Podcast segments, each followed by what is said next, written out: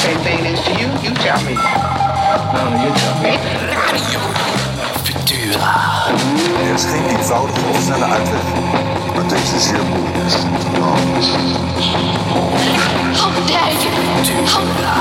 Our military has to be strengthened.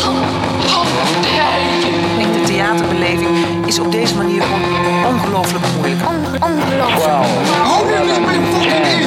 Futura.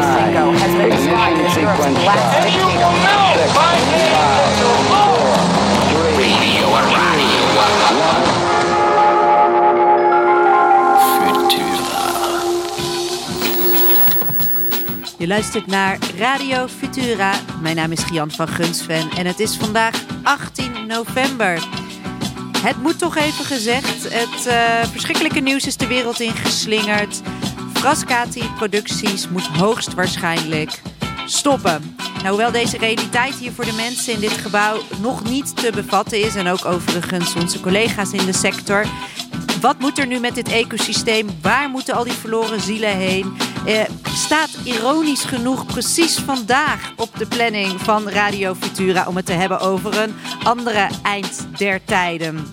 De mens heeft zijn eigen leefomgeving uitgeput. En ja, het is hoog tijd dat de mens op zijn plek wordt gezet. Zijn het nu juist de kunstenaars die deze ook bijna niet te verbeelden nieuwe realiteit ehm, kunnen zorgen dat wij daar grip op krijgen, die onze verbeelding kunnen oprekken, die ehm, ons bewustzijn kunnen verrijken. Socioloog en journalist Ruben Jacobs noemt deze kunstenaars die ons hierbij kunnen helpen artonauten. En wij praten daarom ook deze uitzending met hen. Wie zijn die artonauten en hoe kunnen ze ons helpen die ja, nog onreële realiteit te verbeelden? En eh, dat gesprek voer ik samen met Nicole Beutler. Zij is choreograaf en artistiek leider van Nicole Beutler Projects. En zij schreef een schitterend nieuw vierjarenplan waarin zij haar trilogie voor Rituals of Transformation presenteert. Radio Futura. Radio Futura. Heerlijk hè? Ja, eventjes vrolijk. Eh, fijn dat jullie er zijn, eh, Ruben en Nicole. Ehm, om eventjes eh, te beginnen met ja, wat jargon te geven aan deze mm, toekomst die jullie allebei ehm, schetsen en die we eigenlijk weten waar we op afstevenen. Iets posthumaans of in ieder geval waarin de mens een andere plek moet hebben of heeft dan dat hij nu heeft. Jij noemt, jij hebt het ehm, in jouw betoog, in jouw boekje ook, ehm Artonauten op expeditie in het Anthropoceen. Eh, Ruben, over het Anthropoceen. Dat is niet een term door jou geïntroduceerd, dat, eh, dat bestaat al zo'n twintig jaar, maar eh, toch even, help ons. Wat, is, hoe, wat is het Anthropoceen? Ja, nee, dat is zeker geen term die ik heb bedacht. Ehm, wel een term waar ik een aantal jaar geleden tegenaan liep en meteen door was gefascineerd toen ik daar voor het eerst over hoorde. Ehm, het is een term die ooit ja, in principe door een Nederlander ge- gepopulariseerd is. Eh, Paul Crutzen, een eh, geoloog, die ergens begin van deze eeuw tijdens een conferentie in Mexico. ehm, en dan moet je je voorstellen dat is een conferentie met allemaal geologen. En die hebben het dan over eh, ja, ijstijden en hele lange ja, tijdschalen. En daar ging een discussie over wat ze dan noemen het Holocene. En het Holocene is het huidige geologische tijdvak waar wij in leven. Hè, Ja. dat- Iedereen kent dat misschien wel een beetje van, van aardrijkskunde van middelbare school. Dat vangt aan ergens eh, na de laatste ijstijd. En dat is dan 12.000 jaar geleden. En dat noemen ze dan een interglaciaal tijdsperk. Dus dat is tussen ijstijden. En het idee is eigenlijk dat wij nu heel langzaam weer naar een volgende ijstijd aan het bewegen zijn. Maar het gekke is dat we in plaats van dus dat de temperatuur langzaam af, omlaag ja. gaat, eh, dat die omhoog gaat. En, en dat is eigenlijk eh, waar dus een heel nieuw verhaal begint. En dat is wat, ze, eh, wat Paul Crutzen toen destijds het Anthropoceen noemde. Dat, die opperde die term van jongens, misschien moeten we nu niet meer over het Holoceen praten, maar over het Anthropoceen. En ja, de Griekse, Griekse woord anthropo is het woord voor mens. En de letterlijke vertaling zou dan zijn tijdperk van de mens. Eh, en daarmee, daarmee willen ze eigenlijk zeggen, vanuit het wetenschappelijk perspectief, dat de mens, dus de menselijke soort, zo'n dominante geologische factor is, dat het nu de koers van de aarde heeft eh, veranderd. Waardoor dus de, de dominantste ja, kracht op deze aarde op dit moment de mens is. Ehm, nou, en dan komt daar een hele nieuwe discussie uit voort. Uh, en daar zijn we nu al een tijdje mee, of in ieder geval in allerlei circuitjes is men mee, uh, mee bezig. En dat die mens zo'n sterke, uh, zijn je nou geologische of fysiologische kracht? Ja, dus, dus ja, bio, biofysische kracht. Biofysische kracht is, ja. dat is eigenlijk nog iets heel recents, toch eigenlijk? binnen ja. het perspectief ja. van 10.000, 20.000. Ja. ja, je zou het eigenlijk, wat ze dan geologen zeggen dan eigenlijk, we waren eerst een, een biologische speler. Soort van tussen alle andere diersoorten. En, en we stelden eigenlijk niet zoveel voor. Zo hebben we ook heel lang naar onszelf gekeken. Ja, we, zijn gewoon niet te gewezen op deze gigantische aarde. En het, ja, het ongemakkelijke is dat wij uh, nu, als je al onze collectieve acties bij elkaar optelt, uh, en dan kun je natuurlijk nog wel discussiëren over waar die, uh, de grootste bijdragen worden geleverd. Dat is niet helemaal gelijk op de wereld natuurlijk. dan zijn wij niet meer een biologische speler, maar dan zijn we dus een, wat ze zeggen, een biofysische kracht die zo uh, krachtig is dat hij uh, rivaliseert in zekere zin met vulkaanuitbarstingen, uh, dat soort natuurkrachten die we kennen. En um, um, om een beetje illustratie te geven, tijdens de vulkaanuitbarsting in IJsland in 2013, als ik het goed zeg, van een vulkaan waar ik de naam... Ja, je kijkt mij aan, maar ik heb ja. geen idee. Ja. Uh, toen lag heel het Europees vliegverkeer plat. Dat weet je misschien nog wel. wel enorme rookwolken uh, rondom Europa. En je kon echt zes, zeven dagen konden niet gevlogen worden. En wat ze hebben berekend is dat er toen zo'n ongeveer 150.000 ton CO2 in de lucht ging. Nou, dat, dat, dat, zegt natuurlijk niet zo heel veel, maar dat, dat is behoorlijk veel. Uh, laten we het daarop houden. En, uh, uh, maar het interessante is dat um, in die periode van een week, uh, dus de vliegverkeer stil, lieg, stil, uh, stil lag. Ja. En dat dat, hebben ze berekend, ongeveer het dubbele had opgeleverd aan CO2-uitstoot. Dus het was in zekere zin de eerste milieuverantwoordelijke vulkaanuitbarsting uh, ooit. Uh, en dat heeft te maken met onze uh, ja, activiteiten op de aarde. En dat geeft maar een beetje aan uh, dus hoe enorm omvang dat is. en daarom praten ze dus van een nieuw geologisch tijdvak.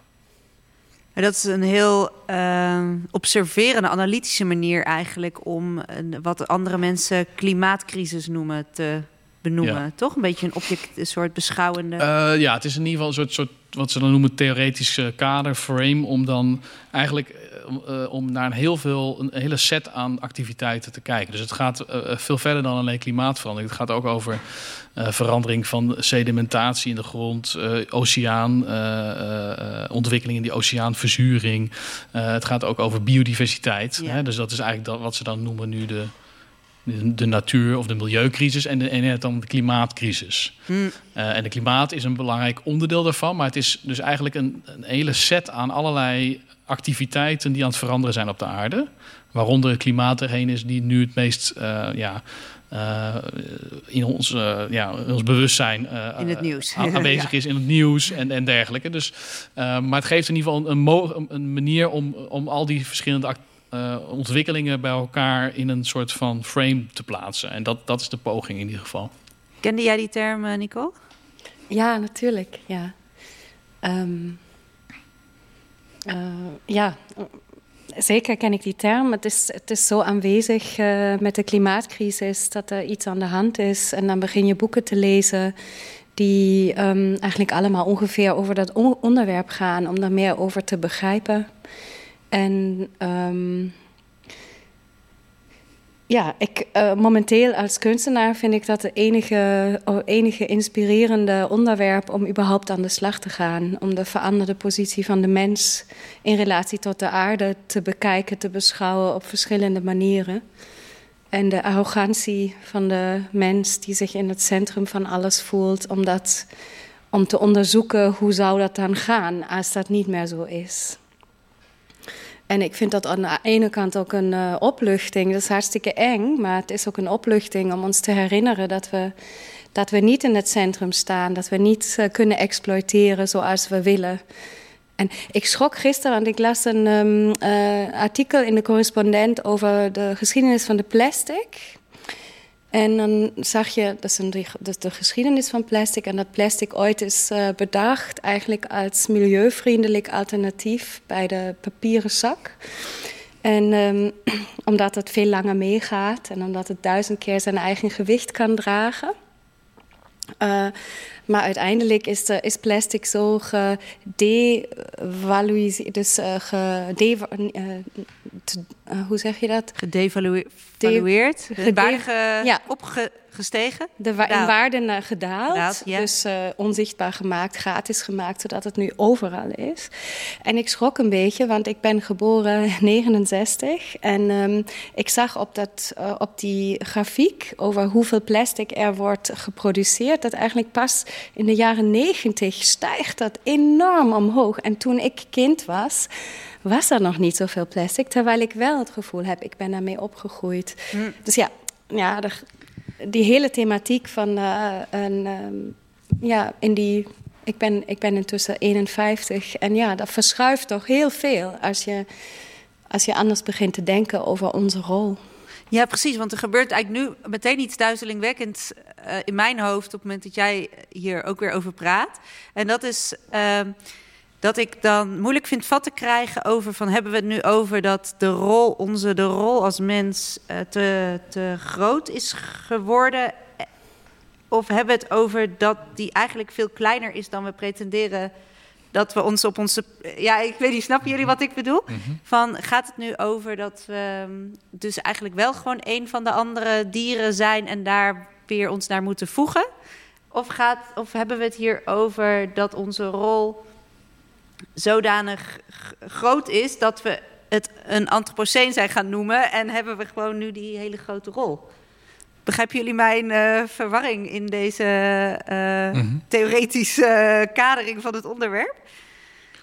Hoe sta, hoe sta jij daar? Ja, ik, ik, denk dat ik, ik, ik, denk dat ik wel weet wat, je, wat de verwarring inderdaad brengt. Ik denk dat je uh, twee dingen hebt. Aan de ene kant heb je de, de wetenschappelijke realiteit. Dus, dus de, de, de, feitelijke uh, ja, werkelijkheid zoals we die nu in kaart hebben gebracht. Hè, dus dat de mens in die zin tegen wil en dank uh, een, een hele dominante uh, factor is geworden. En tegelijkertijd zie je natuurlijk dat, dat de, de aarde als zodanig en alle aspecten erop omheen, sommigen noemen het Gaia, of, nou, er zijn allerlei termen voor, dat die natuurlijk steeds wilder wordt. Hè? Dus er zijn allerlei fenomenen gaande die ook ons bedreigen als soort. Die ons juist laten zien dat we helemaal niet zo. Nou, het is dus eigenlijk heel dubbel. Dus aan de ene kant zijn we dus heel erg invloedrijk. Maar we hebben niet de controle erover. En, en, en, de, en we kunnen er ook niet mee doorgaan. Dus we, we zullen wel inderdaad ons wereldbeeld moeten gaan veranderen. Um, maar dat wil niet zeggen dat we een soort van terug kunnen in één keer naar, naar een soort van biologische spelen zoals we dat ooit waren. We moeten ook onder ogen zien dat we wel degelijk een enorme verantwoordelijkheid op ons hebben op dit moment. Om voor onszelf, onze eigen nageslacht, maar ook uh, het, het, het, rijke leven op aarde, om dat nog uh, ja, in stand te houden.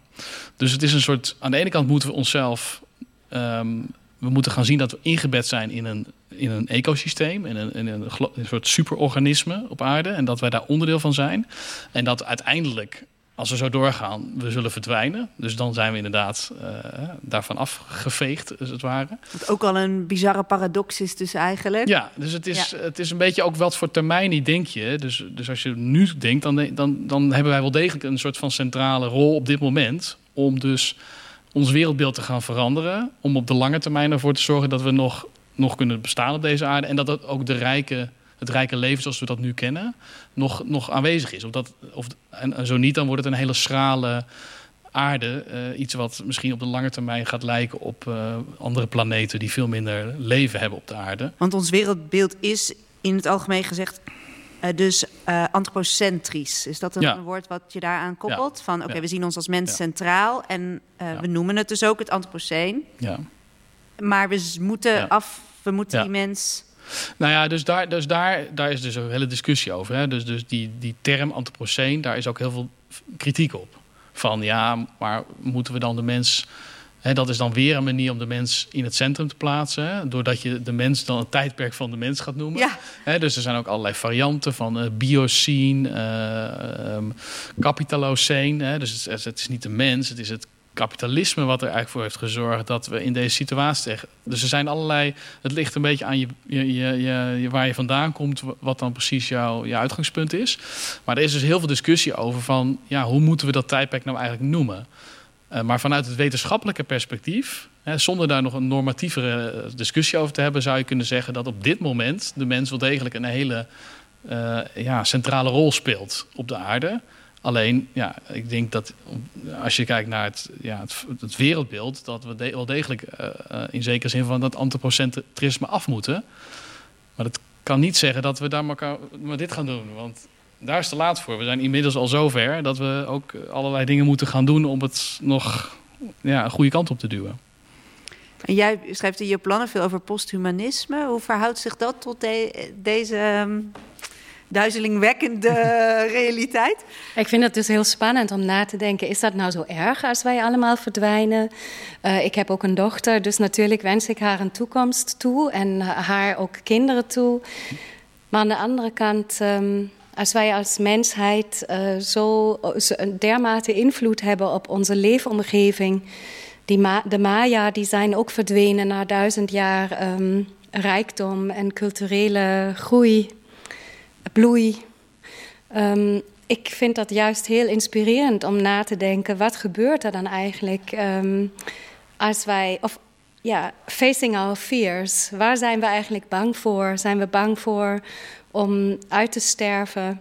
Um, blijven we maar een hele kleine, klein detail in de hele geschiedenis van de aarde. We zijn er maar heel kort. Um, blijven we ook heel kort. Um, ik vind dat interessante gedachten spelen. Dus ik heb mijn de trilogie voor de komende jaren daarop gebouwd. Op die Rituals of Transformation begint eigenlijk met de afbraak van de aarde zoals we die kennen. Het is een alchemistisch proces van de transformatie die begint met het loslaten van alles wat je kent. Dus opgeven van deze wereld, van de materialistische wereld die ons omgeeft, maar ook eventueel van het idee dat wij voor oneindige tijd uh, op deze planeet zullen rondlopen. Dus het gevoel, ja, is dat dan pijnlijk of is dat misschien ook een verlossing? Impermanence, het feit dat wij daar niet voor altijd zijn. En um, uh, dus het, eerste, het eerste gedeelte van die trilogie, die, daar probeer ik dat te aanschouwen. Dat, erover na te denken. Hoe voelt dat eigenlijk als alles afbreekt en kapot gaat? Omdat ik ook ervan uitga en ook gelezen heb, we weten het natuurlijk niet 100%, dat de aarde weer tot, uh, tot adem komt als wij daar niet meer zijn. Dus ik doe eigenlijk dat gedachtenspel en de tweede, tweede voorstelling in die trilogie wordt dan de aarde komt weer tot adem. En dan heb je dan de thematiek van de fungi en de andere, andere communicatiesystemen die bestaan. En ik weet niet of jullie de David Attenborough film hebben gezien over Tsjernobyl, wat weer tot leven komt, waar, waar ja, sowieso alles met groen overwoekerd is, maar waar ook de wildlife um, op rare manier bijna als in, in een nieuw gevonden paradijs weer begint rond, rond te met elkaar te leven, zodat er wat een nieuw, een, een nieuw ecosysteem ontstaat. Hm. En uh, ja, het derde gedeelte van mijn trilogie wordt dan het zoeken naar een nieuwe balans. Ik ga er dan van uit dat er wat survivors, wat overlevenden zijn, die dan op slimme manier, uh, manieren vinden zich aan te passen. En uh, zeg maar de apocalypse of de totale destructie te overleven. En die zoeken dan naar een nieuwe balans tussen mens, dier, plant en technologie. Om daar een soort uh, uh, nieuwe, nieuwe symmetrie, een nieuwe balans te vinden. Hoe, hoe dit systeem ja, kan voortbestaan in samenklank. En zit er ook dus, iets van jou? Ik vind het een interessante gedachte ja. om, om deze wereld los te laten. En heb je ook het idee dat de mensheid als geheel eerst even goed moet, of grotendeels moet verdwijnen voordat dat nieuwe kan ontstaan? Of is dat ook een, uh, zit in dat jouw posthumanistische opvatting uh, ook een verschuiving uh, gewoon in de relaties zoals die nu bestaan? Of moet het toch wel even eerst in een soort afbraak helemaal komen? Ik werk nu met de afbraak, met dat afbraakidee. Maar er zijn natuurlijk ook theorieën die zeggen, of dat blijkt dan een oplossing te zijn, als er minder kinderen worden geboren, wat ook daadwerkelijk het geval is, dat, uh, dat de bevolkingsgroei, het worden wel steeds nog meer, maar uh, het neemt de potentieel af. af. Hoe zeg je dat? De snelheid neemt De snelheid af. neemt af.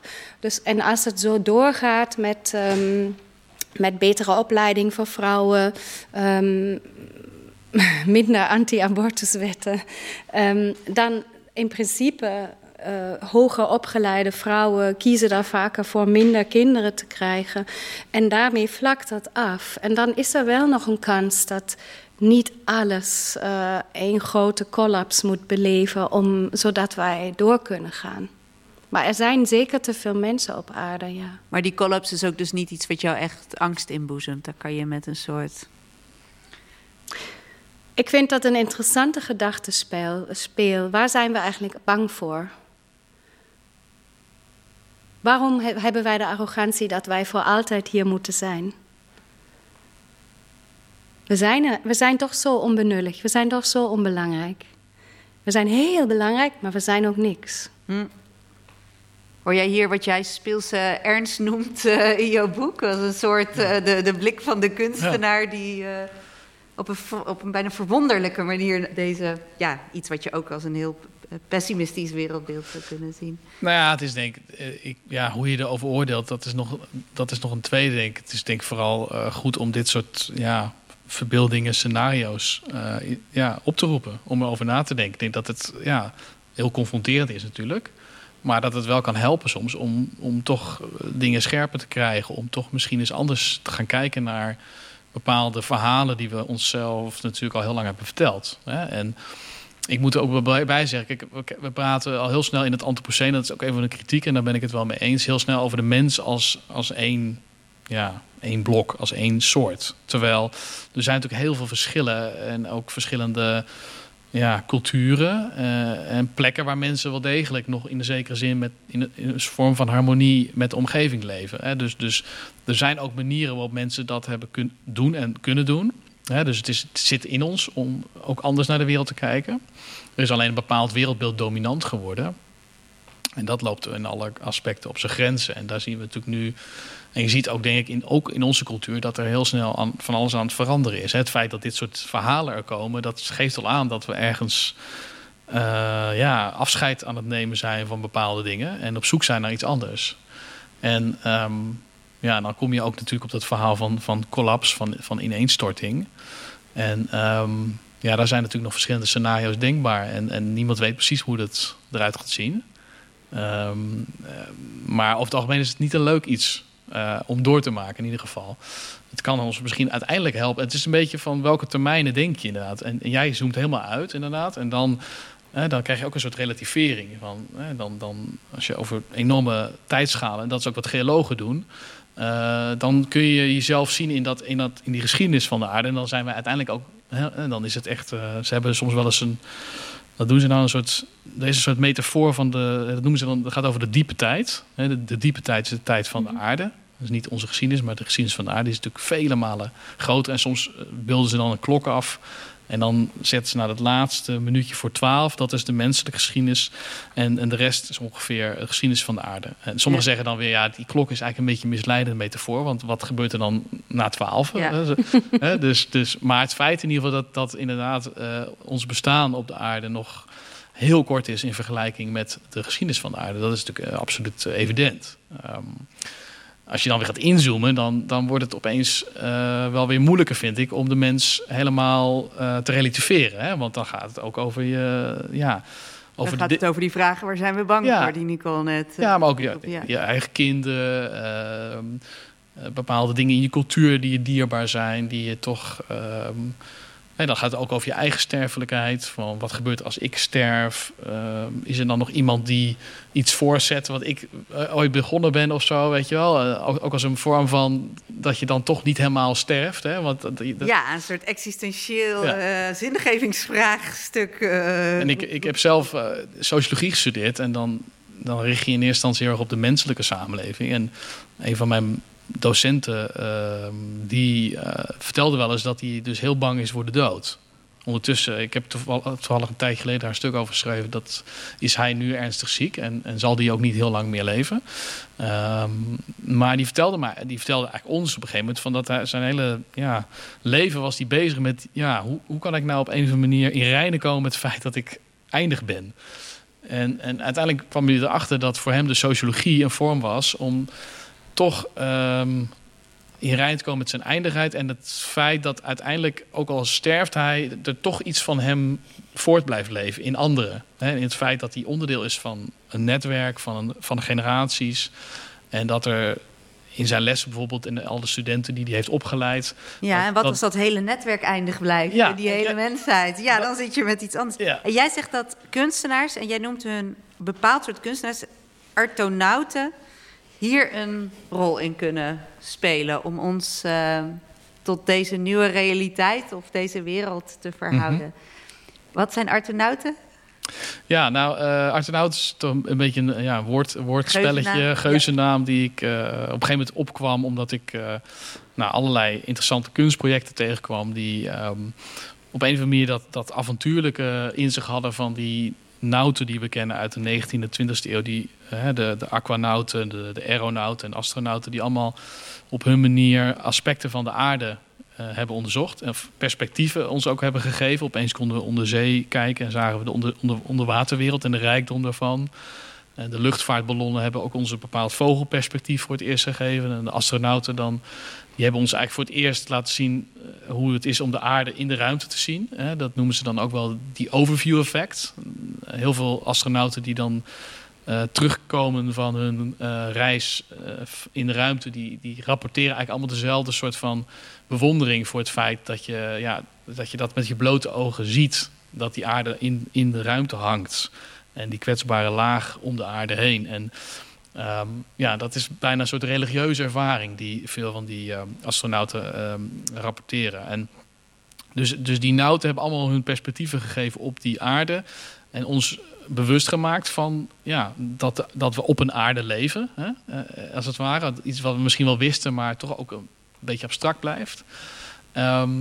En ja, ik vond dat die, die. Ik zocht een beetje naar een woord voor die, die, al die kunstprojecten die op alle man, hun manier ook die, die, niet zozeer die aarde als, als zodanig meer onderzoeken, maar de relatie, onze relatie tot die aarde.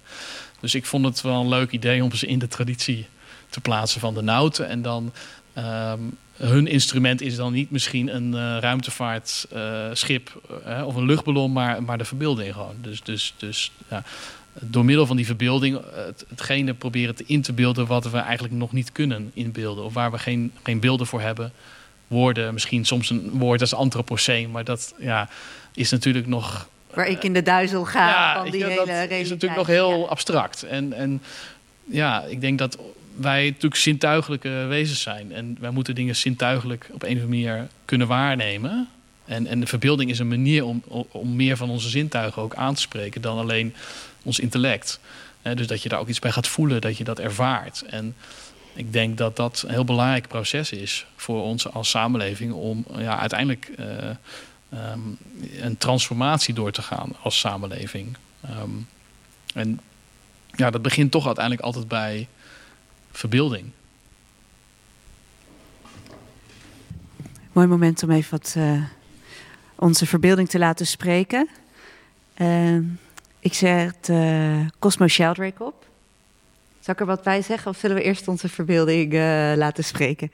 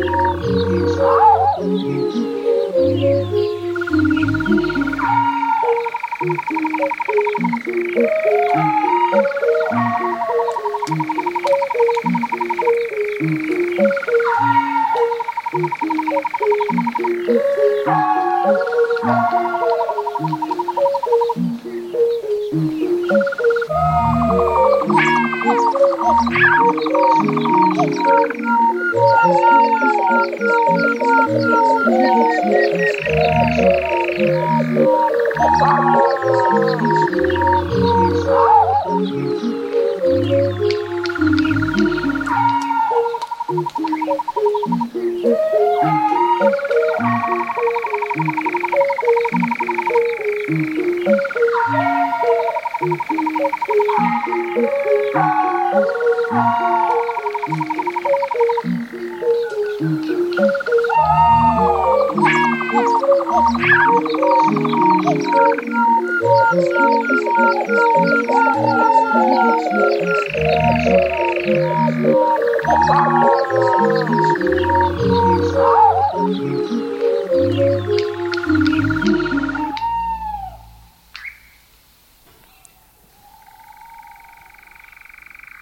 luisteren naar de uh, wake-up calls van Cosmo Sheldrake. Uh, een artiest die muziek maakt aan de hand van geluiden uit de natuur, toch Ruben? Zoiets, ja, uh... ja, hij is een multi-instrumentalist en hij gebruikt dus allerlei... Hij neemt van alles op in de, in, in de natuur. Dit, dit album is geloof ik een, ook een, een, soort ode aan verdwijnende vogelsoorten... die hij probeert te archiveren en Um, ja, hij maakt dus aan de hand van al die geluiden maakt hij dus weer muziek. En, en um, ja, ik vind het zelf heel erg uh, plezierig om naar te luisteren. Maar het is ook wel bijzonder hoe die ja, toch uit al die bestaande uh, elementen in, in, in natuurlijke omgeving dan toch weer tot iets heel nieuws komt. En tegelijkertijd ook die, die, die natuur op een of andere manier um, representeert. Of in ieder geval een soort van uh, tot leven, nog extra tot leven brengt. Is hij een artonaut in jouw uh, definitie? Ja ik, ja, ik zou hem wel een beetje in die categorie uh, plaatsen. Ja. Dat, uh, ja, hij, heeft, hij heeft ook echt een, een, een hij komt ook echt uit, uit een biologenfamilie. zijn vader was een beroemde, of is een beroemde bioloog, Rupert Sheldrake. zijn broer is ook een bioloog. Hij heeft nu net een heel mooi boek geschreven over schimmeldraden. Kan ik iedereen aanraden. Verweefd leven heeft het. en um, ja, dat merk je gewoon in die muziek. Dat hij uh, van jongs af aan uh, in, in natuur is opgegroeid. En ook uh, vanuit thuis heel veel heeft meegekregen over. Dus hij heeft een bepaalde sensitiviteit die, die ik denk die heel belangrijk is. en die je veel terugziet in, in die artonauten. Um, om, uh, en dat ze vaak ook weer gebruik maken van veel kennis uh, uit andere disciplines. Dat is ook een beetje voor mij kenmerkend aan die artonauten. Ze, ja, ze gaan heel erg makkelijk heen en weer tussen wetenschap, technologie, kunst. Ze gebruiken eigenlijk al die dingen. En daarom heb ik het ook een andere term gegeven. Omdat ja, als je kunstenaar zegt, dan, krijg je, dan krijgen de meeste mensen meteen een soort stereotype beeld uh, voor zich. En daar wilde ik even van weg, omdat het Ehm, ja, omdat ik ze altijd soms lastig vond om ze te typeren ook van die projecten. Wat zijn het nou eigenlijk? Kunstenaars, wetenschappers, technologen. eigenlijk combineren ze het van alles. Uh. Je had het net over het belang van die verbeelding om voor ons als mensen om eigenlijk vat te krijgen op deze tijd en wat ons mogelijk uh, te wachten staat.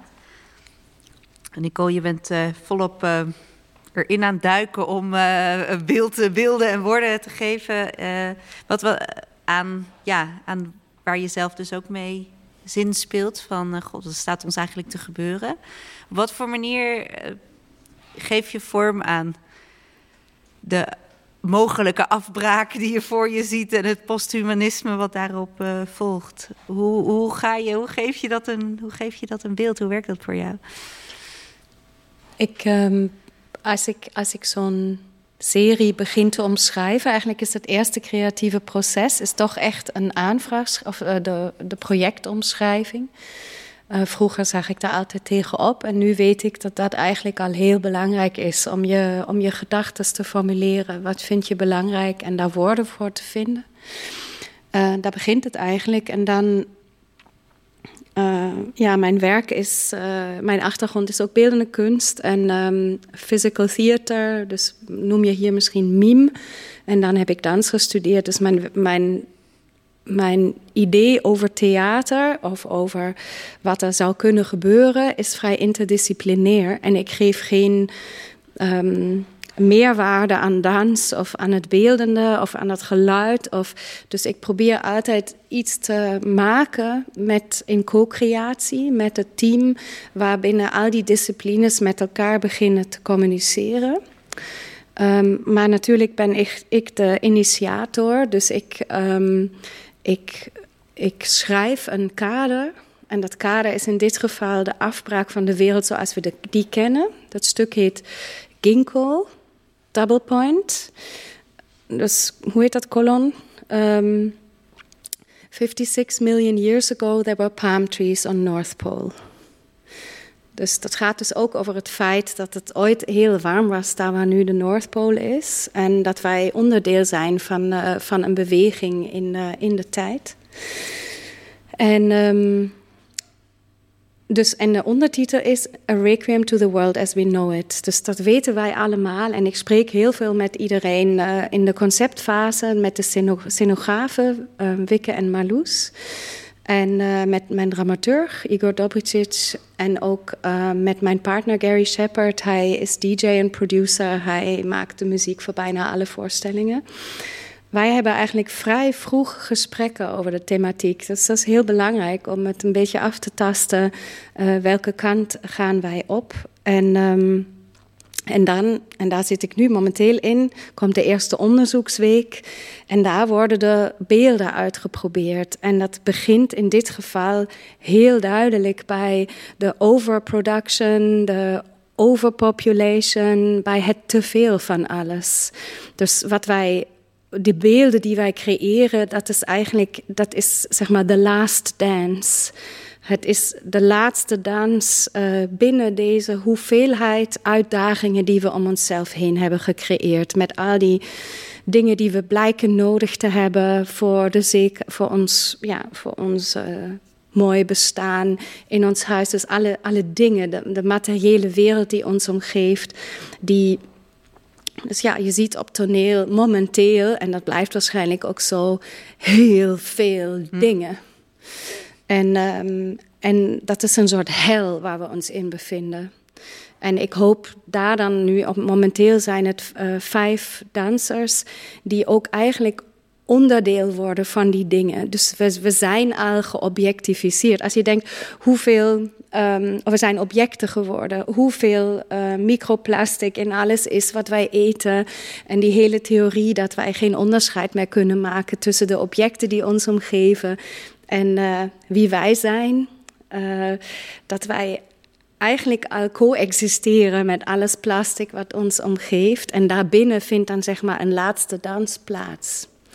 En, um, en daarna ja, is het eigenlijk een funeral service. Het is een, uh, het is een begrafenisritueel voor de wat ik nu voor ogen heb. De voorstelling komt pas over anderhalf jaar in première in de opera, of uh, in Rotterdam misschien in de operadagen of in Amsterdam in de ITA. En um, ja, dus daar is nog heel veel tijd, maar het onderzoek nu is uh, eigenlijk een soort exorcism van alles wat ons omgeeft en uh, het, het, loslaten en misschien ook de angst voor dat loslaten, maar tegelijkertijd wat een feest en wat een opluchting is om het los te laten en samen met die spullen ten onder te gaan. wij werken dus zo dat wij niet masters zijn van die spullen. Wij zijn met de spullen. En waar hoop je dan op als je dit straks met je publiek gaat presenteren? Dat die opluchting gedeeld wordt? Um, ik wil het eigenlijk echt als een trilogie opbouwen. Dus uh, alleen aan het hele uiteinde van de voorstelling komt een soort cliffhanger die wijst richting. Daar is hoop. En tot dan, ja, is het. Ik, ik wil eigenlijk dat ze huilen. Dat, ieder, dat we samen loslaten. Misschien huilen we allemaal. Om? Om het, het verliezen van onze plek, van dat waar we van houden. Um, maar wat niet goed voor ons is, ja. Ja, maar waar we aan. We, we hebben een soort addiction, een afhankelijkheid ontwikkeld van als allemaal. Hè? Iedereen werkt, of we, hebben een schaamte intussen. In onze, ja, iedereen is daarmee bezig. Hoeveel mag ik consumeren? Um, beantwoord ik mijn e-mails elke dag of wacht ik tot elke derde dag? Uh, we zijn onderdeel geworden van zo'n problematisch, complex, verweven systeem. Het woord wat altijd gezegd wordt, entanglement. We zijn onderdeel van alles. En we zijn natuurlijk ook onderdeel van de objecten die ons omgeven. Niet alleen van de biologische wereld. En... Um, en de energie die dat kost. Uh, dan moeten we mindfulness workshops doen of yoga om ons klein beetje ruimte uh, te, te vrij te to carve out space. Ik kom even niet op het Nederlandse woord. Uh, voor een beetje ruimte in ons hoofd. Dus die, die, die constante coexistentie van alle verschillende, uh, alle verschillende verwachtingen die we aan onszelf hebben, in verantwoordelijkheid en, en loslaten en schaamte. En het is best een uitdaging. We moeten iets loslaten. Ja, ja, en, um, ja, en dat kan best een pijnlijk proces zijn. En ik vind eerlijk gezegd de hele COVID-situatie in het begin, die was best, best interessant. Want op het moment dat de stekker werd getrokken, had ik zo'n oervolle agenda. Ik ging naar Londen, ik ging die voorstelling daar doen en dat doen. En alles als moeder zijnde en, en en werk maken en met alle liefde voor het vak alles geven wat ik kan. Maar toen de stekker eruit werd getrokken, was het toch echt een verademing een maand lang. Dat ik maar dacht, dit oh. gaat toch nog een stap verder, waar je het eigenlijk over wil hebben. Over niet alleen loslaten van een soort maatschappelijke druk, maar het gaat om. Uh, als ik je net in het begin goed begrijp, het gaat om iets veel, uh, veel groters, toch? Het gaat niet alleen Ja. maar over een plek in een maatschappij. Het gaat eigenlijk om een hele. Ja, daar gaat mijn hoofd weer van duizelen. Maar het gaat over Ja, de hele, hele- maatschappij dismantelen. Het gaat over oplossen of zo. Dat Ja. is. Of het is vrij brutaal. Het is vrij gewelddadig. Wat ik denk. Wat we zouden. Maar kan jij, als dit bij mij gaat dat dus thuis, maar kan jij hem voelen, laat ik maar zeggen, van die echt die mens die dus zijn plek hmm, ja, verliest. Dus niet alleen de, de, de, de druk van de e-mails waar, die we loslaten, maar echt onze hele, ons hele, ja, ons hele antropocentrische mensbeeld. Ja, ik bedoelde eigenlijk dat met de e-mails loslaten niet zozeer als het feit dat op dat moment op de hele aarde een verandering plaatsvond. Dat vond ik boeiend. Ja. Ik vond boeiend dat overal eh, afspraken werden afgezegd, dingen werden verplaatst. En een dat soort was, voorbode van, dat was globaal. ja, En dus er, er kunnen echt wel globale dingen gebeuren. En als jij die grootheid voelt, of als je daar hè, met je op een bepaalde manier, ik zie ook aan hoe je erover praat of zo, je, kan, je hebt daar een soort eh, con- contact met die. Is komen daar dan ook beelden voor jou bij? Of is het meer een soort tussen excitement en angst en nieuwsgierigheid in dat je een soort feeling hebt voor wat ons te wachten staat? Of heb je daar dan ook meteen beelden mee dat je denkt, hé, hey, maar ik kan dit gevoel ook communiceren naar met andere mensen? Ja, die beelden zijn de beelden die ik dan op toneel toon. Dat men, de mensen op een of andere manier ook objectwezens geworden zijn. Vrij kleurrijk, multidimensional. Mm, s- ja, binnen, binnen deze objectmaterieel, overproductiewereld. En daarin hun laatste dans doen. Eigenlijk zoals op de Titanic. ehm, de wereld gaat toch ten onder.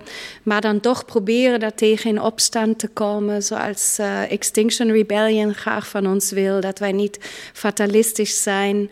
Maar dat wij toch ons inzetten en engageren iets te veranderen. In plaats van te zeggen: het gaat toch allemaal naar de kloten. We hoeven niks meer te doen. Uh, dus uh, dat komt ook in de voorstelling, wordt ook een gaat ook een manifestatie plaatsvinden, gedemonstreerd worden, uh, chanting, om, te om je te engageren als mens. Maar ik, ja, ik moest ook gisteren lachen, ik ben bijna zo deterministisch bezig. Ik vind dat interessant om te aanschouwen dat dat niet lukt. En dat, dat wij ten onder gaan. Water trappelend ten onder. Ja, ja en ik, ik denk dan ook, als het dan maar zo is, dan moet ik maar met mijn dochter spreken. We moeten nu sowieso al gesprekken hebben over de wereld is, wij hebben het niet in de hand. Er is een controleverlies. Dus dat de onzichtbare wereld met COVID is, uh, blijkt ons zo te kunnen beïnvloeden dat het alles verandert. Wat voor gesprek is dat? Hm, dat gesprek met mijn dochter, die, ja, die, heeft, die is 15 en ja, zij hangen ook een beetje in de online school en dan een af en toe wel weer naar school en geen feestjes meer. En ja, en, en zij vraagt zich ook af en ze hoort ook allemaal slecht nieuws. Uh, de Trump-verkiezingen, uh, de climate denial. Um, maar wat zeg je dan, we gaan als mensheid? Ik zeg dan, ja, ik denk, ik moet dan dat gesprek voeren. Dat ik het niet kan garanderen dat zij precies zo'n leven heeft zoals mijn moeder het heeft gehad. Ja. En dan is dat zo. Ik doe mijn uiterste best om me in te zetten en met liefde voor waar ik in geloof. Maar wij hebben het niet in de hand. En ja, aan de andere kant kan ik ook zeggen dat natuurlijk ben ik er ook uh, voor dat op groter niveau er serieus aan wordt gewerkt. Maar ik zit, ik zit met de problematiek van die rare complexiteit van uh, ga ik nu mijn afval recyclen? We spreken heel veel over afval in, de, in het werk momenteel. En plastic scheiding, ja, dat, dat heeft toch geen nut of heeft het wel nut? Want uiteindelijk wordt het niet hergebruikt. En wat kunnen we uiteindelijk doen? Gaan we echt niet meer vliegen of wel?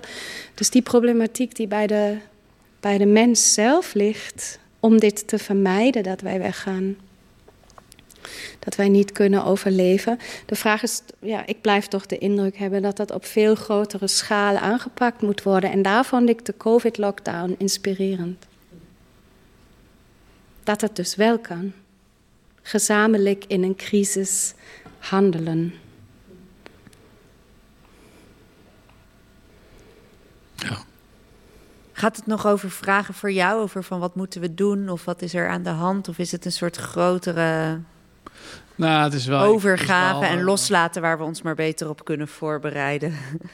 Nou ja, ja.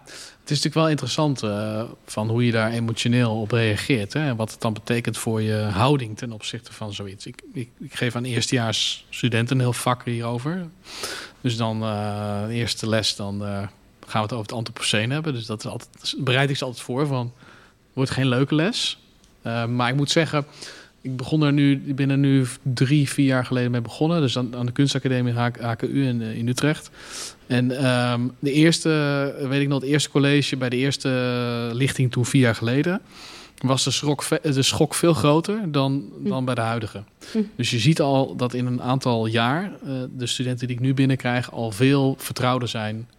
Het is al niet meer zo schokkend. Het is nog steeds wel heftig om het in zo'n grote totaliteit over te horen.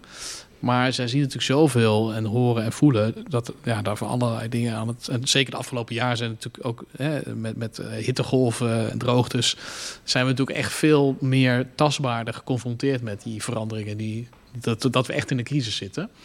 Dat, het, eh, ja, dat, dat je merkt dat dat alweer een hele andere mentaliteit uh, met zich meebrengt. En dat dus um, ja, die, die, die, die grote, hevige, allesomvattende verhaal in die zin al vertrouwder aanvoelt bij die nieuwe generatie studenten.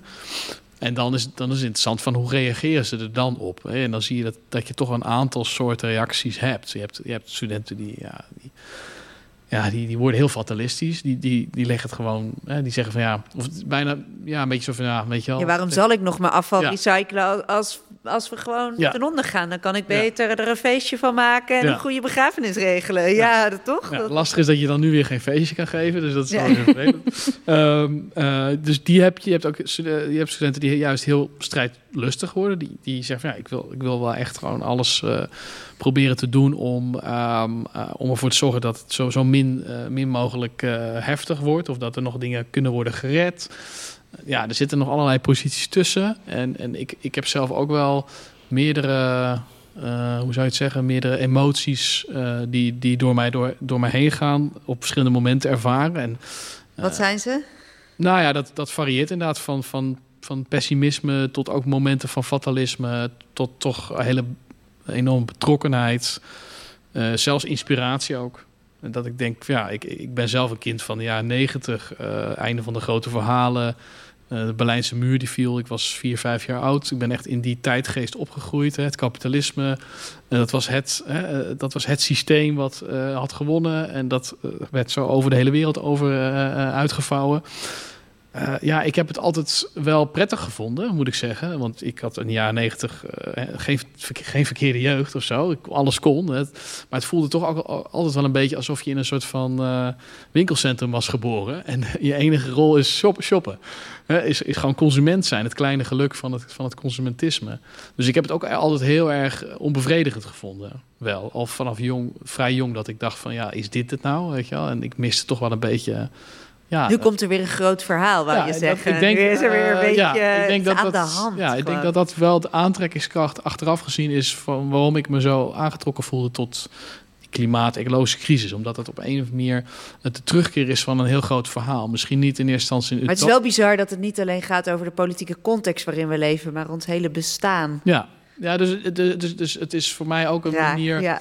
Het is aan de ene kant natuurlijk heftig, maar tegelijkertijd opent het ook weer heel nieuwe, uh, ja, nieuwe werelden. Van, uh, opeens kunnen we alles weer opnieuw, grotendeels opnieuw over nadenken. En, ja, ik ben iemand die wel graag nadenkt en, en um, nieuwsgierig is. Dus ik vond, en ik zie dat ook bij de aantrekkingskracht bij veel kunstenaars. Van ja, dit opent wel weer een enorme een wereld die ik opnieuw kan uh, aftasten en, en kan verbeelden. Merk jij dat, een soort nieuw engagement... wat zich met deze steeds tastbaarder wordende nieuwe realiteit... Uh...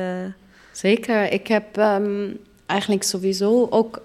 Ja, ik denk dat het... Ja, ik kan het niet genereel beantwoorden natuurlijk. Ik kan het alleen voor mezelf beantwoorden. Maar dat ik um, die thematiek... Het, de enige reden is dat ik een uh, zinvol, het gevoel heb: het is zinvol dat ik theater maak. Hm. Um, ik zou nu niet voor iets anders theater kunnen maken. En het feit dat het. Sorry, je uh, zou niet voor iets anders theater, of je zou nu niet iets anders überhaupt kunnen doen nu? Ik, uh, nee, als ik die thematiek niet had, dan weet ik niet of ik theater zou maken. Hm. Um, en het feit dat het documentarisch is, uh, ik heb het gevoel, het is urgent. Wij moeten daarmee aan de slag. En theater biedt mij een, een kader waarmee ik dingen kan communiceren, waar we samen over kunnen nadenken. Het voelt als een perfecte, of een vorm, niet de perfecte vorm, een vorm om gezamenlijk na te denken over deze thematiek en dat een, nog meer naar boven te brengen, nog meer uh, boven in ons bewustzijn, in ons. Uh, misschien moeten we toch anders handelen, moeten we toch ja, mensen te inspireren. Ja, ik denk dat ik, ja, ik zou, ik zou nu niks anders kunnen doen.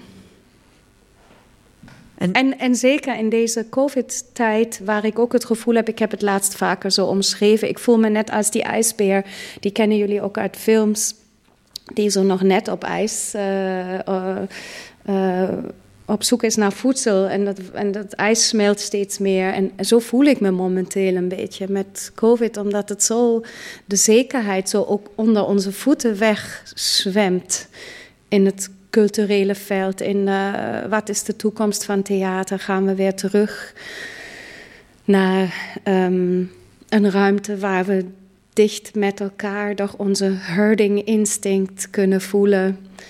Um, wat mede een grote reden is waarom ik überhaupt theater maak. Ik, heb, ik ben eigenlijk iemand die feesten organiseert in theater. Ik heb ook feesten, heel veel parties georganiseerd. Maar theater. En ik heb ook als curator hier gewerkt, ook bij Frascati. En ik heb ook altijd gezegd, ik, ik organiseer graag kaders waarbinnen mensen samenkomen om over iets na te denken, maar ook hun eigen lichamelijkheid ervaren, dus met elkaar zijn.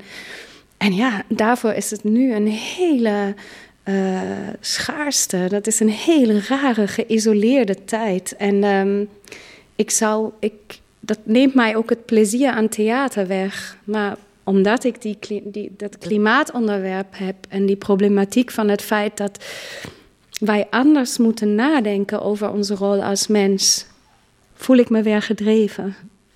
Heb je niet het gevoel dat je juist nu met die urgentie dan die muren van het theater uit moet?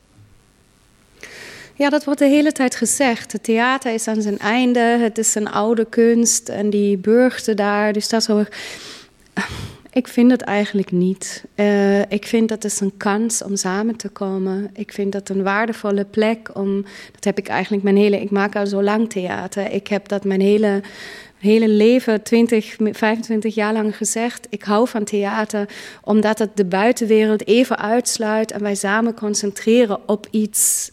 En de vraag is, wie breng je dan in het, wie breng je daar dan heen om dat ook mede te beleven? Daar kan je over nadenken. Maar in principe het kader van een ruimte waar we samen denken, dat vind ik heel erg prettig. Um, om niet altijd alles tegelijk te doen, om even in te zoomen en te verdiepen en, en ja, dieper te gaan dan, dan in de openbare ruimte. Natuurlijk, ik heb ook heel veel werk gemaakt met amateurs en ook met jonge, jonge mensen. En ook met oude mensen. Dus ik werk ook met in, in andere context. Maar ik um, waardeer de theaterruimte enorm voor het samen denken. Nee, Ruben die schrijft ook in zijn boek uh, eigenlijk over die artonaut herhaaldelijk van... we hebben de kunstenaar nu ook echt nodig om ons te helpen tot deze situatie, de situatie, te verhouden. Voel je ook die verantwoordelijkheid op je schouders rusten? Voel je ook van ik ben als kunstenaar nu ook echt degene die hier belangrijk is? Nee, dat voel ik eigenlijk nooit. Ik, ben als, ik heb als mens, als mens een gedrevenheid en ik communiceer op mijn manier voor die mensen die deze manier van communiceren interessant vinden. En daar zijn andere mensen die doen dat op andere manier. En, um, grote nou, het woord verantwoordelijkheid klopt niet eens, maar het is, een, het is een prachtige oproep die je doet. En het is tegelijkertijd een grote uh, opdracht die je bij de kunstenaar mhm. legt. Ja, nou goed, het is, ja, ik, ik, zie het onder, ik zie die kunstenaar als een onderdeel van een, van een ecosysteem uh, waarin er allerlei rollen zijn. En het, uiteindelijk zijn het mensen uh, en die hebben nou hun eigen talenten. En het was in eerste instantie mijn doel om, om toen ik het destijds schreef, 2017 een beetje, um, om vooral ook mijn studenten, maar ook andere kunstenaars, ja, te, te prikkelen. Om te kijken van, hey, uh, heel, ik zag eigenlijk heel lang tot, en dat is het laatste jaar wel veranderd, dat, dat toch voor veel kunstenaars dat hele ecologische vraagstuk, ja, dat, dat daar kon, ja, had het gevoel dat dat niet helemaal over uh, voor hun besteed was of zo. Ja. Dat, uh, en, en, en, abstract. Ja, en, ja, dat was iets voor de milieubeweging of zo. Weet je wel? Dat was ook heel lang zo. Weet je wel? Dat, dat was ook iets van, ja, je, dan heb je milieu, natuurbeweging, die zijn met dat soort vraagstukken bezig. En uh, daar, daar hoort een specifiek soort mens bij. Hè, uh, en dat is niet voor iedereen. Hè? En dat, dat is natuurlijk, was natuurlijk een hele gekke gedachte. Maar dat is nou eenmaal een beetje zo gelopen. En, en dat is de laatste jaren natuurlijk wel heel erg aan het veranderen. En ik, ik dacht van ja, we hebben gewoon andere soorten talenten nodig om over dit vraagstuk te praten. Omdat het ja, heel lang toch vanuit een wetenschappelijke perspectief is gecommuniceerd ook over deze problemen. De, de, wetenschappers waarschuwen al heel lang over al die problemen die op ons afkomen. Maar dat doen ze vanuit hun wetenschappelijke ja, discipline en manier van communiceren. En dat is toch een heel andere domein dan uh, ja, mensen die, die met verbeelding bezig zijn, met muziek, wat, wat het ook mogen zijn. Dat levert uiteindelijk hele andere vragen op, andere manieren van over na te denken. Niet alleen een oproep om iets te doen, maar ook om er ja, überhaupt mee in, in, in reinen te komen. En, en door dit soort uh, spannende vragen te stellen van ja, wat, wat, uh, we moeten blijkbaar door meerdere dingen heen als mens om hier iets mee te doen dan alleen maar de wetenschap dat we iets hebben van een probleem waar we iets mee moeten. Hè? Het, ja. het, omdat het aan zulke diepe dingen raakt en die we ook geneigd zijn uit de weg te gaan, omdat wij wel merken ergens van, uh, ja, dit, dit um, grijpt zo diep op ons leven in dat we dat eigenlijk niet aan willen. Ja. Want we willen nog geen afscheid nemen van onze manier van leven. En dat is een beetje als een alcoholist die nog misschien op een gegeven moment wel erkent dat hij een probleem heeft, maar dan gaat hij nog niet echt hulp. Volgende week ga ik hulp zoeken. Volgende week stop ik. En, en alcoholisten kunnen daar heel lang mee doorgaan. Hè? Ik, ik spraak niet uit eigen ervaring overigens. Maar Volgens mij heb jij uit je voorstelling die precies hierover gaan, of niet? Ja, ik weet niet of ik quotes daarover heb. Maar... Oh ja, ik heb iets. Oh ja, ik heb een quote en die is van Bruce Lipton, The Biology of Belief. The simple truth is, when you're frightened, you're dumber. Oh ja. Ik wil zo nog even met jullie eh, verder gaan op die existentiële angst. Uh, ik zet nu eventjes een uh, nummer op van een Canadese performer, muzikante die ik tegenkwam. Die zich helemaal ook op het Anthropocene heeft toegelegd. En dit is een wat ouder nummer van haar uit 2012, Be a Body.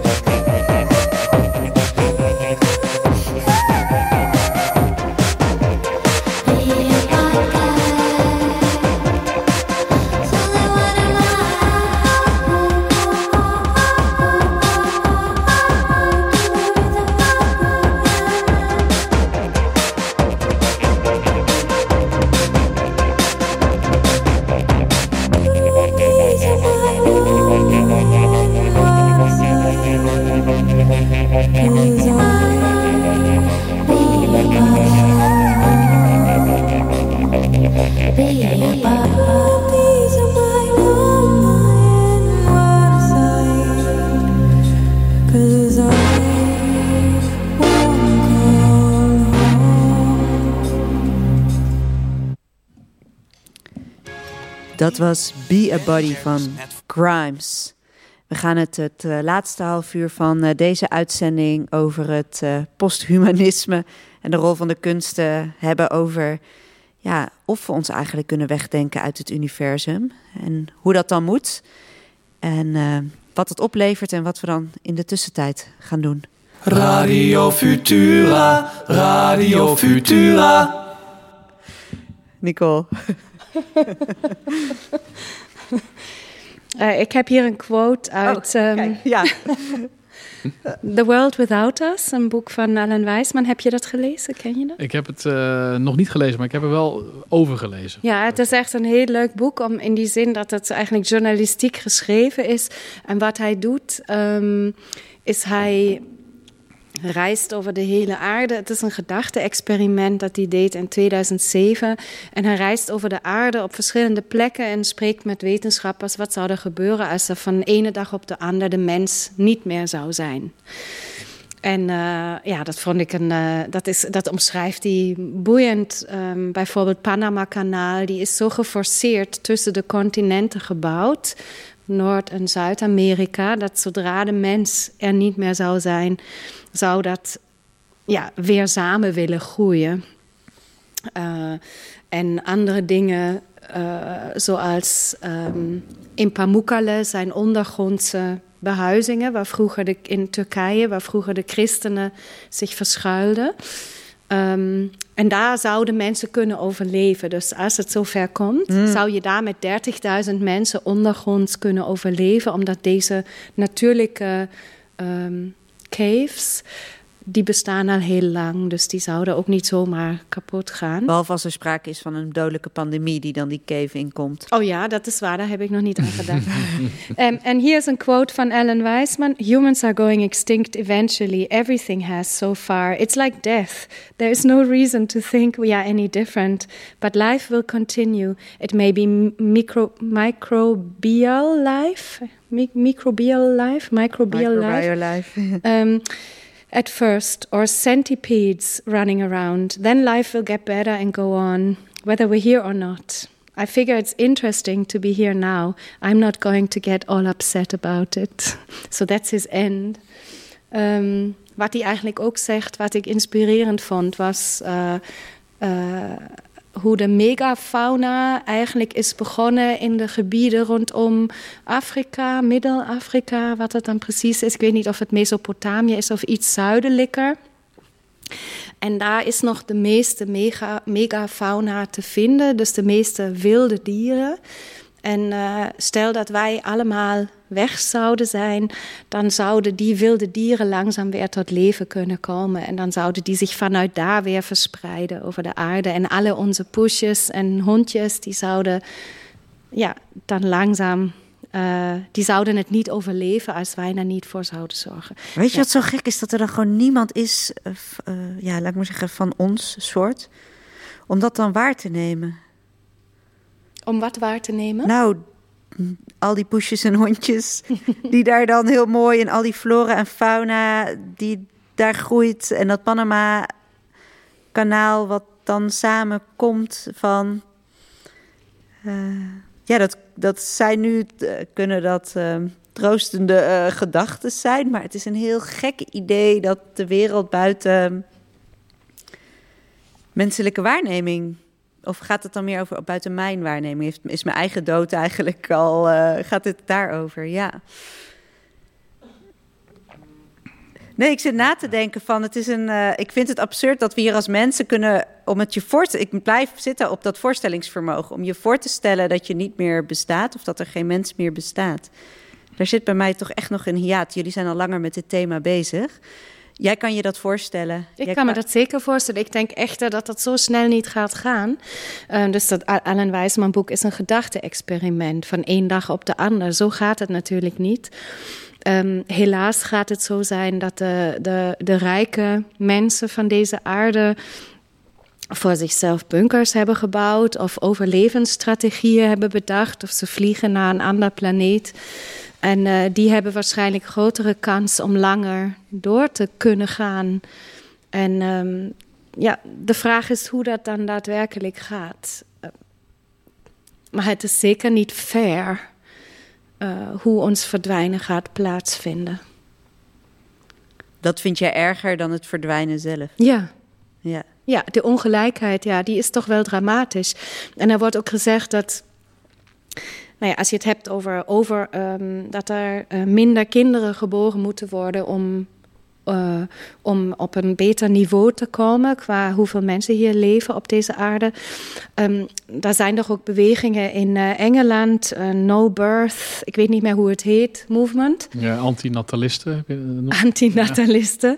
Ja. Um, en die dan uitrekenen dat elk kind wat in West-Europa leeft of in onze rijkere uh, omstreken, ik weet niet, 58 zo en zoveel kiloton, megaton per jaar verbruikt, CO2, de instoot, uitstoot heeft.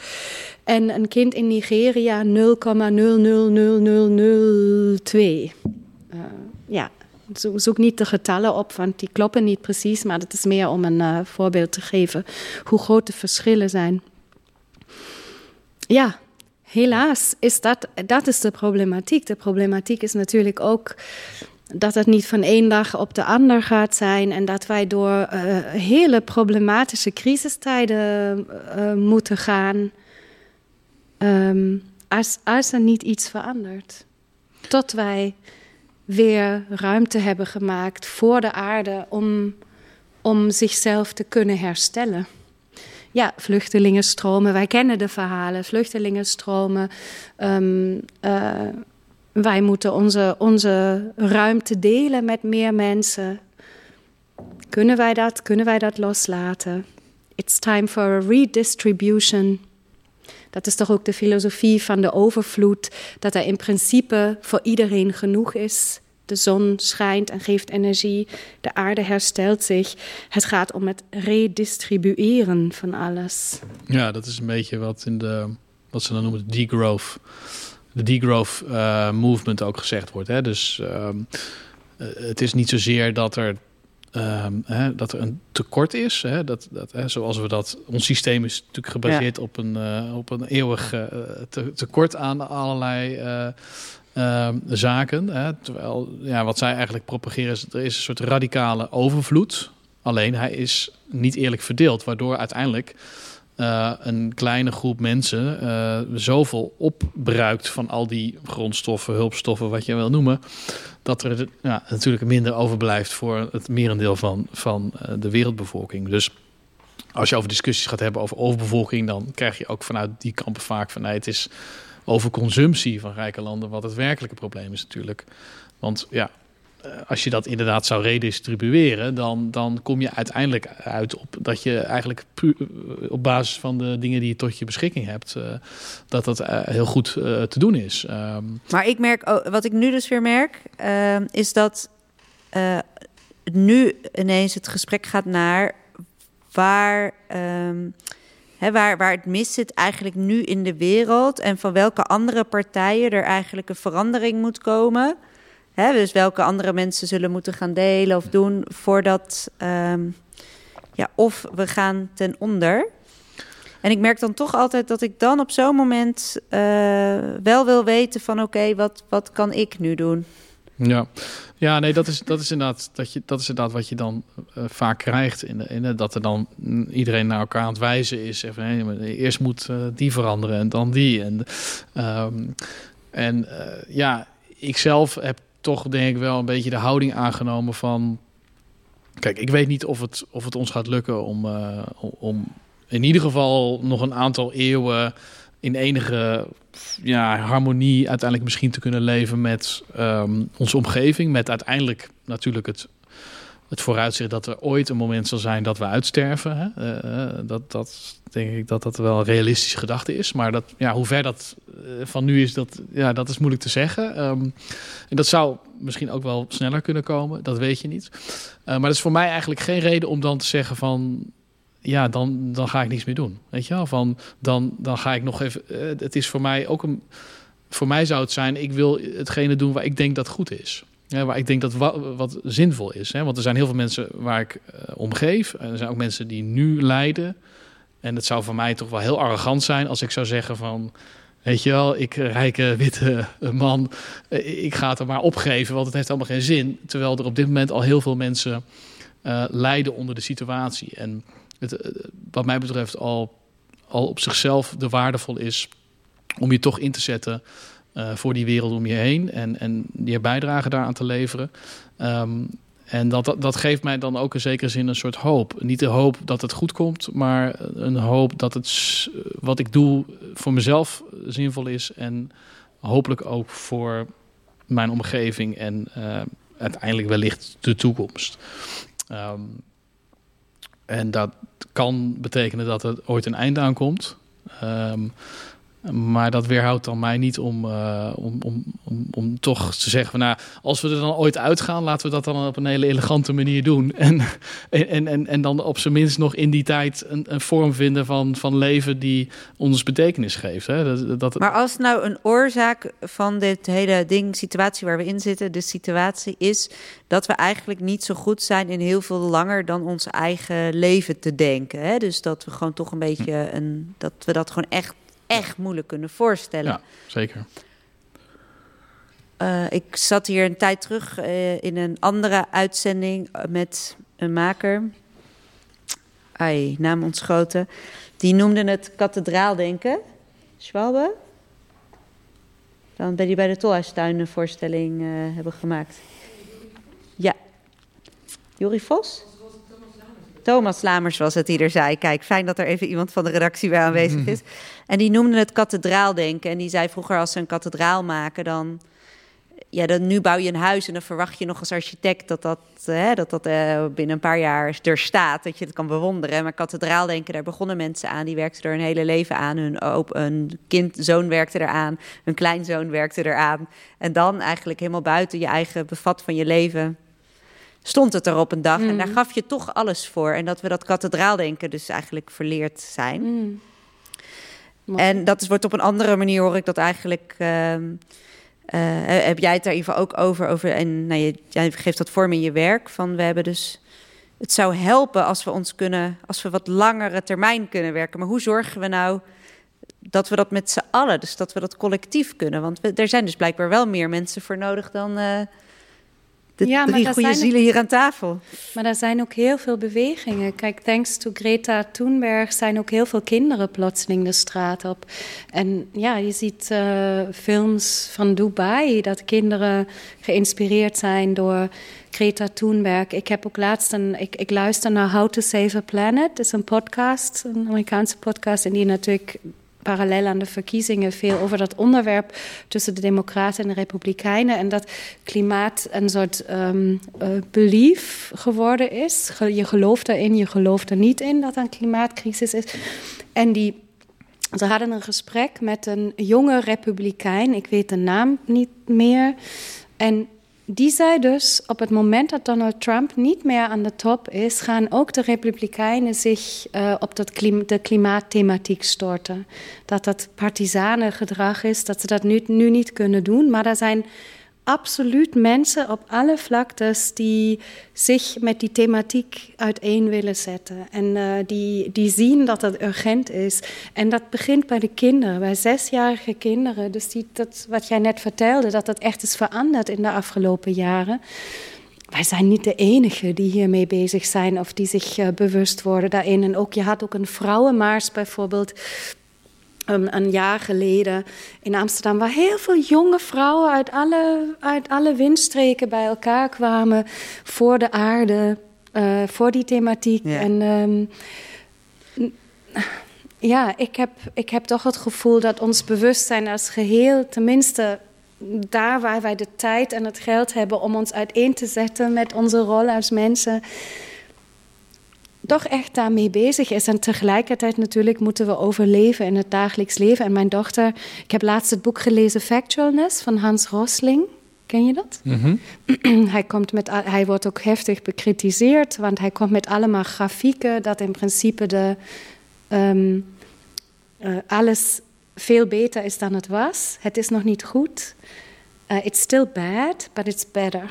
Dus hij toont aan dat meer meisjes een uh, betere opleiding hebben, dat, et cetera. Dus hij toont allemaal positieve dingen aan. En um, mijn, dat vertel ik aan mijn dochter. En die is dan wel heel erg opgelucht, ook over positief nieuws. Mm. Ah, zie je wel, oh wat fijn om dat te horen. En die kinderen hebben het natuurlijk wel zwaar. Wat is mijn Ja. toekomstperspectief? En wat zouden zij, stel, eh, we, we, we verschuiven even de perspectief. Eh, dus het gaat niet meer goed komen met dat eh, klimaat. Eh, dus de mens zal inderdaad ehm, wel echt ja, verdwijnen. Of in ieder geval een heel kleine rol nog maar krijgen op deze aarde.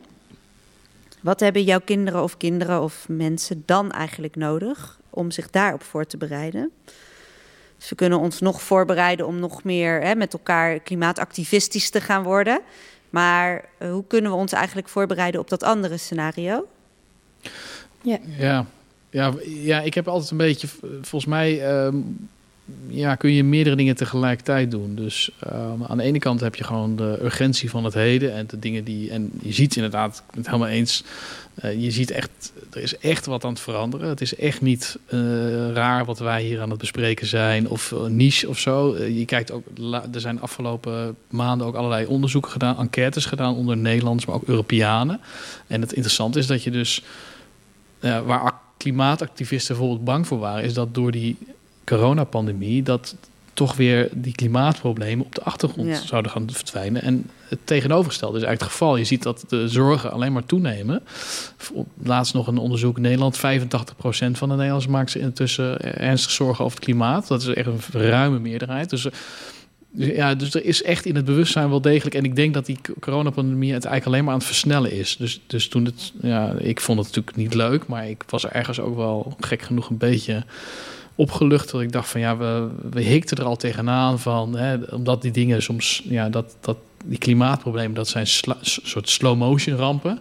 En Die gaan in slow motion. Dat vinden wij. Jawel, maar dan gaat het alsnog over cijfertje dit en uitstootje minder dat. En het gaat niet tuurlijk. over eh, radicaal onze plek herzien en ons eh, leven opgeven.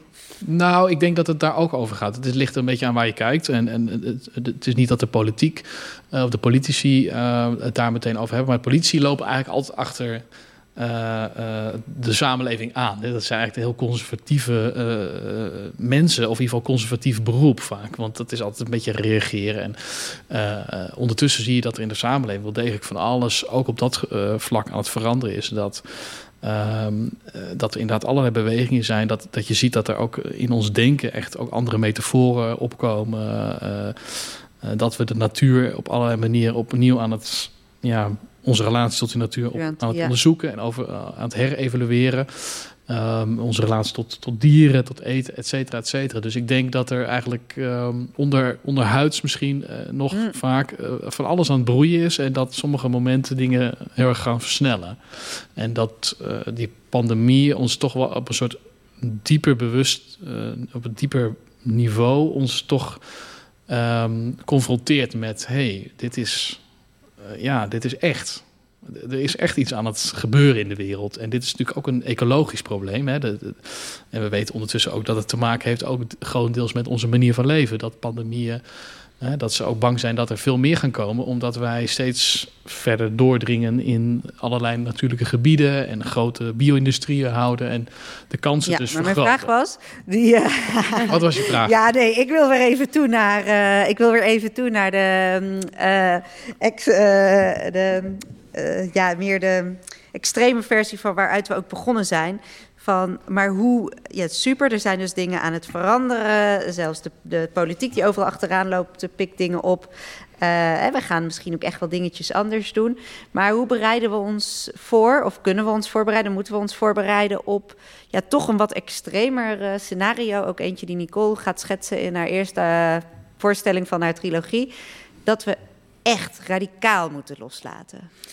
Nou ja, ik heb, ehm, ik heb dus al een soort survival training gedaan in, de, in, de bos, in het bos. Ge- geleerd ehm, dat ik, stel dat ik in een bos beland, ik moet dan wel een kompas met me he- hebben en een plastic sheet.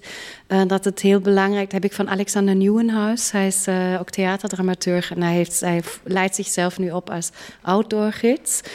En ehm, ik was met hem in het oudste bos van Nederland. En dan leer je dat het eerste wat je moet doen is een shelter bouwen. Dat is het belangrijkste. En daarna kijk je hoe je vuur kan maken en hoe je water kan maken. Nou, dat is natuurlijk de extreme vorm.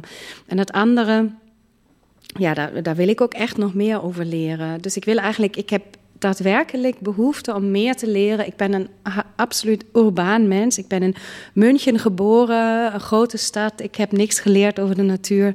Het is aan de tijd dat we een beetje meer weten hoe werkt dit eigenlijk, dit systeem. Um, dus dat is absoluut een, op, een, een leermoment. Um, en het andere is. Waarbij helpt jou dat om zo vanuit je primitiviteit te leren? Wat, wat doet dat dan voor jou? Om te begrijpen hoe de dingen met elkaar samenhangen en wat, is, wat uiteindelijk echt essentieel is voor, voor mijn overleven. Um, hoe, hoe, ja, precies, voor ons overleven. En het andere, dat is mij even ontglipt. Ik wou nog iets anders zeggen. Dus, uh, maar dat komt zo weer terug. Maar wat, doen we om ons voor te bereiden? Nou ja, ik heb dus die, die extreme vorm gekozen van uh, survival training. Um, maar hier komt die. Um, dat ging over, dat is geïnspireerd door de pandemie. Dat wij eigenlijk, want ik zou natuurlijk ook internationaal op tournee gaan. En dat is allemaal gecanceld. En um, normaal zijn onze bewegingen veel actiever in de wereld. En het feit dat wij nu niet kunnen vliegen, internationaal niet kunnen optreden, dat doet iets. En je, ik merk aan mezelf dat ik, ik word gedwongen om lokaler te denken. En om te denken, wat is de meerwaarde daarvan? Dat ik in mijn huis ben, dat ik in mijn omgeving, in mijn ecosysteem ben. En ik heb het gevoel dat wij de afgelopen twintig jaar zijn gaan vliegen de hele tijd. En ik ook. En ik ben ook een reiziger en ik wil ook vliegen. En ik word nu gedwongen om, om hier te zijn en om het lokale te waarderen. En ik mm. vraag me af wat ik daarin nog meer kan betekenen. Zonder lokaal traditionalistisch te worden. Om te zien. En, en hm. volgens mij is dat ook uh, Bruno Latour. Um, becoming terrestrial. Ja, hij heeft een, laatste de filosoof Bruno Latour heeft hij. Volgens mij is de titel Waar kunnen we landen, geloof ik, van dat boekje. Down to Earth. Ja, het gaat inderdaad heel erg over. Ja, we moeten die mondiale manier van leven, dat is niet houdbaar. Um, dus we zullen toch weer een bepaalde manier het lokale moeten gaan herwaarderen. Zonder daarin echt uh, terug te vallen op uh, tribalisme of, of nationalisme in enge, in enge zin van, de, van het woord. Uh, en, ik denk dat dat inderdaad wel de uitdaging is van. Um, en dat heeft alles te maken met verbeelding. Want eh, je hebt een mooi boek van Amit Ghosh, uh, een Brits-Indiaanse schrijver. Dat heet The Great Derangement. Beste luisteraar, ik hoop dat je je notitieboekje deze uitzending bij de hand had. Dat het ik even moeten aankondigen van tevoren. Want we zijn me toch wat boektitels gevallen, zeg. Ongelooflijk. Allemaal te vinden op uh, de Twitter en uh, Facebook van Ruben na afloop van de uitzending. Ja, ja, nee, sorry. Ik ben echt... ja, nee, fijn hoor.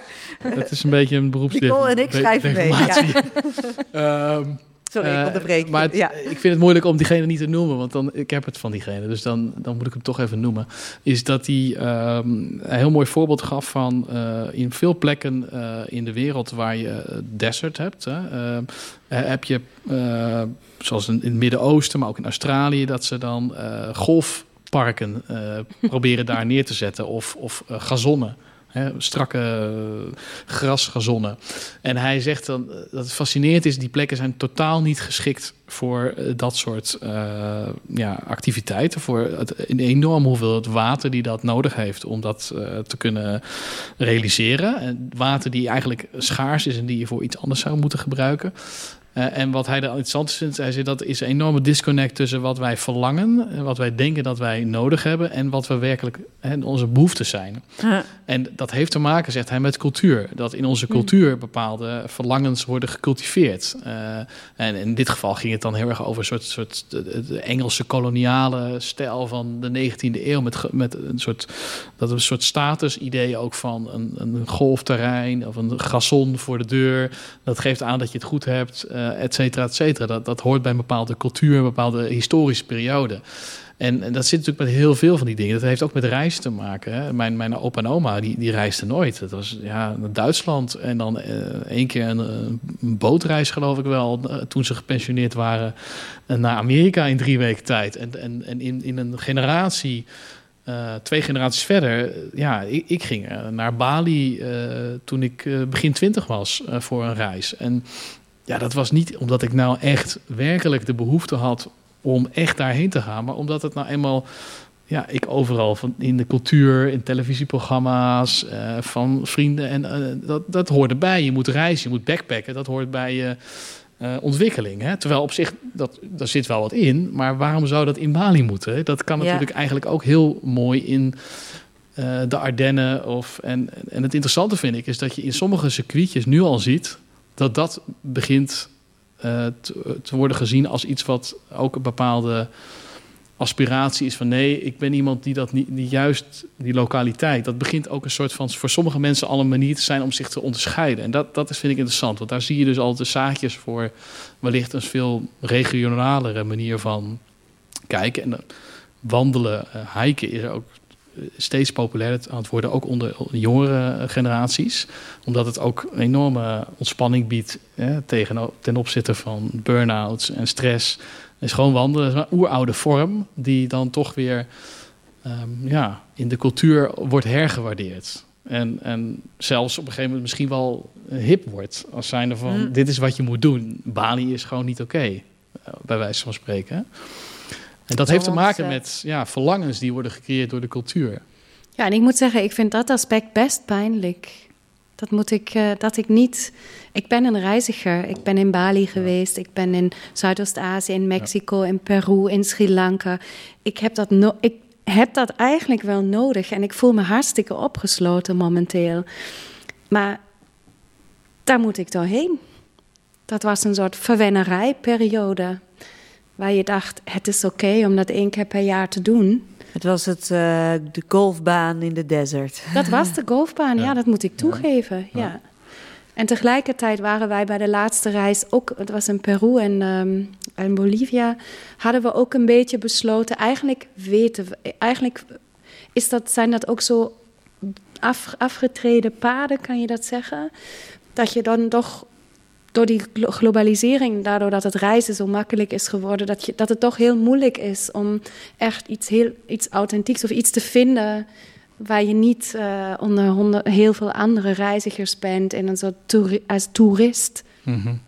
Dus ja. het, We zullen moeten loslaten. ja. In uh, 2022, dat zeg ik goed, hè, de, eerste, de eerste voorstelling uit de trilogie van Nicole Beutler. Uh, te zien, um, Rituals of Transformation, om ons uh, hopelijk in een vol theater te kunnen laven en met elkaar houvast te zoeken in of we mogelijk ons mens zijn voor een deel moeten loslaten. En tot die tijd kan je gaan survivalen in het bos. Dat is ook een uh, goede tip. Misschien had uh, mevrouw de minister beter haar geld kunnen uitgeven aan survival cursussen voor de mensheid om ons, om ons terug naar ons mensheid te brengen. Ik wil jouw boekje toch nog even aanraden. Die is alweer van een paar jaar oud. Maar ga ook lezen Artonauten op expeditie in het Anthropoceen van Ruben Jacobs te verkrijgen bij V2. Maar ook gewoon via de lokale boekhandel. Uh, we moeten gewoon gaan afsluiten. Deze uitzending is ten einde en uh, gelukkig het gesprek nog niet. Want we gaan hier hopelijk nog een paar decennia over door mogen praten. Hoe we ons verder kunnen voorbereiden op het al dan niet einde of de verandering van onze plek van de mens in deze wereld. Ik heb nog een positieve quote. Zal ik die nog Heel graag. Evolution is silently unfolding in the background. Somewhere a bird is singing and clouds pass overhead.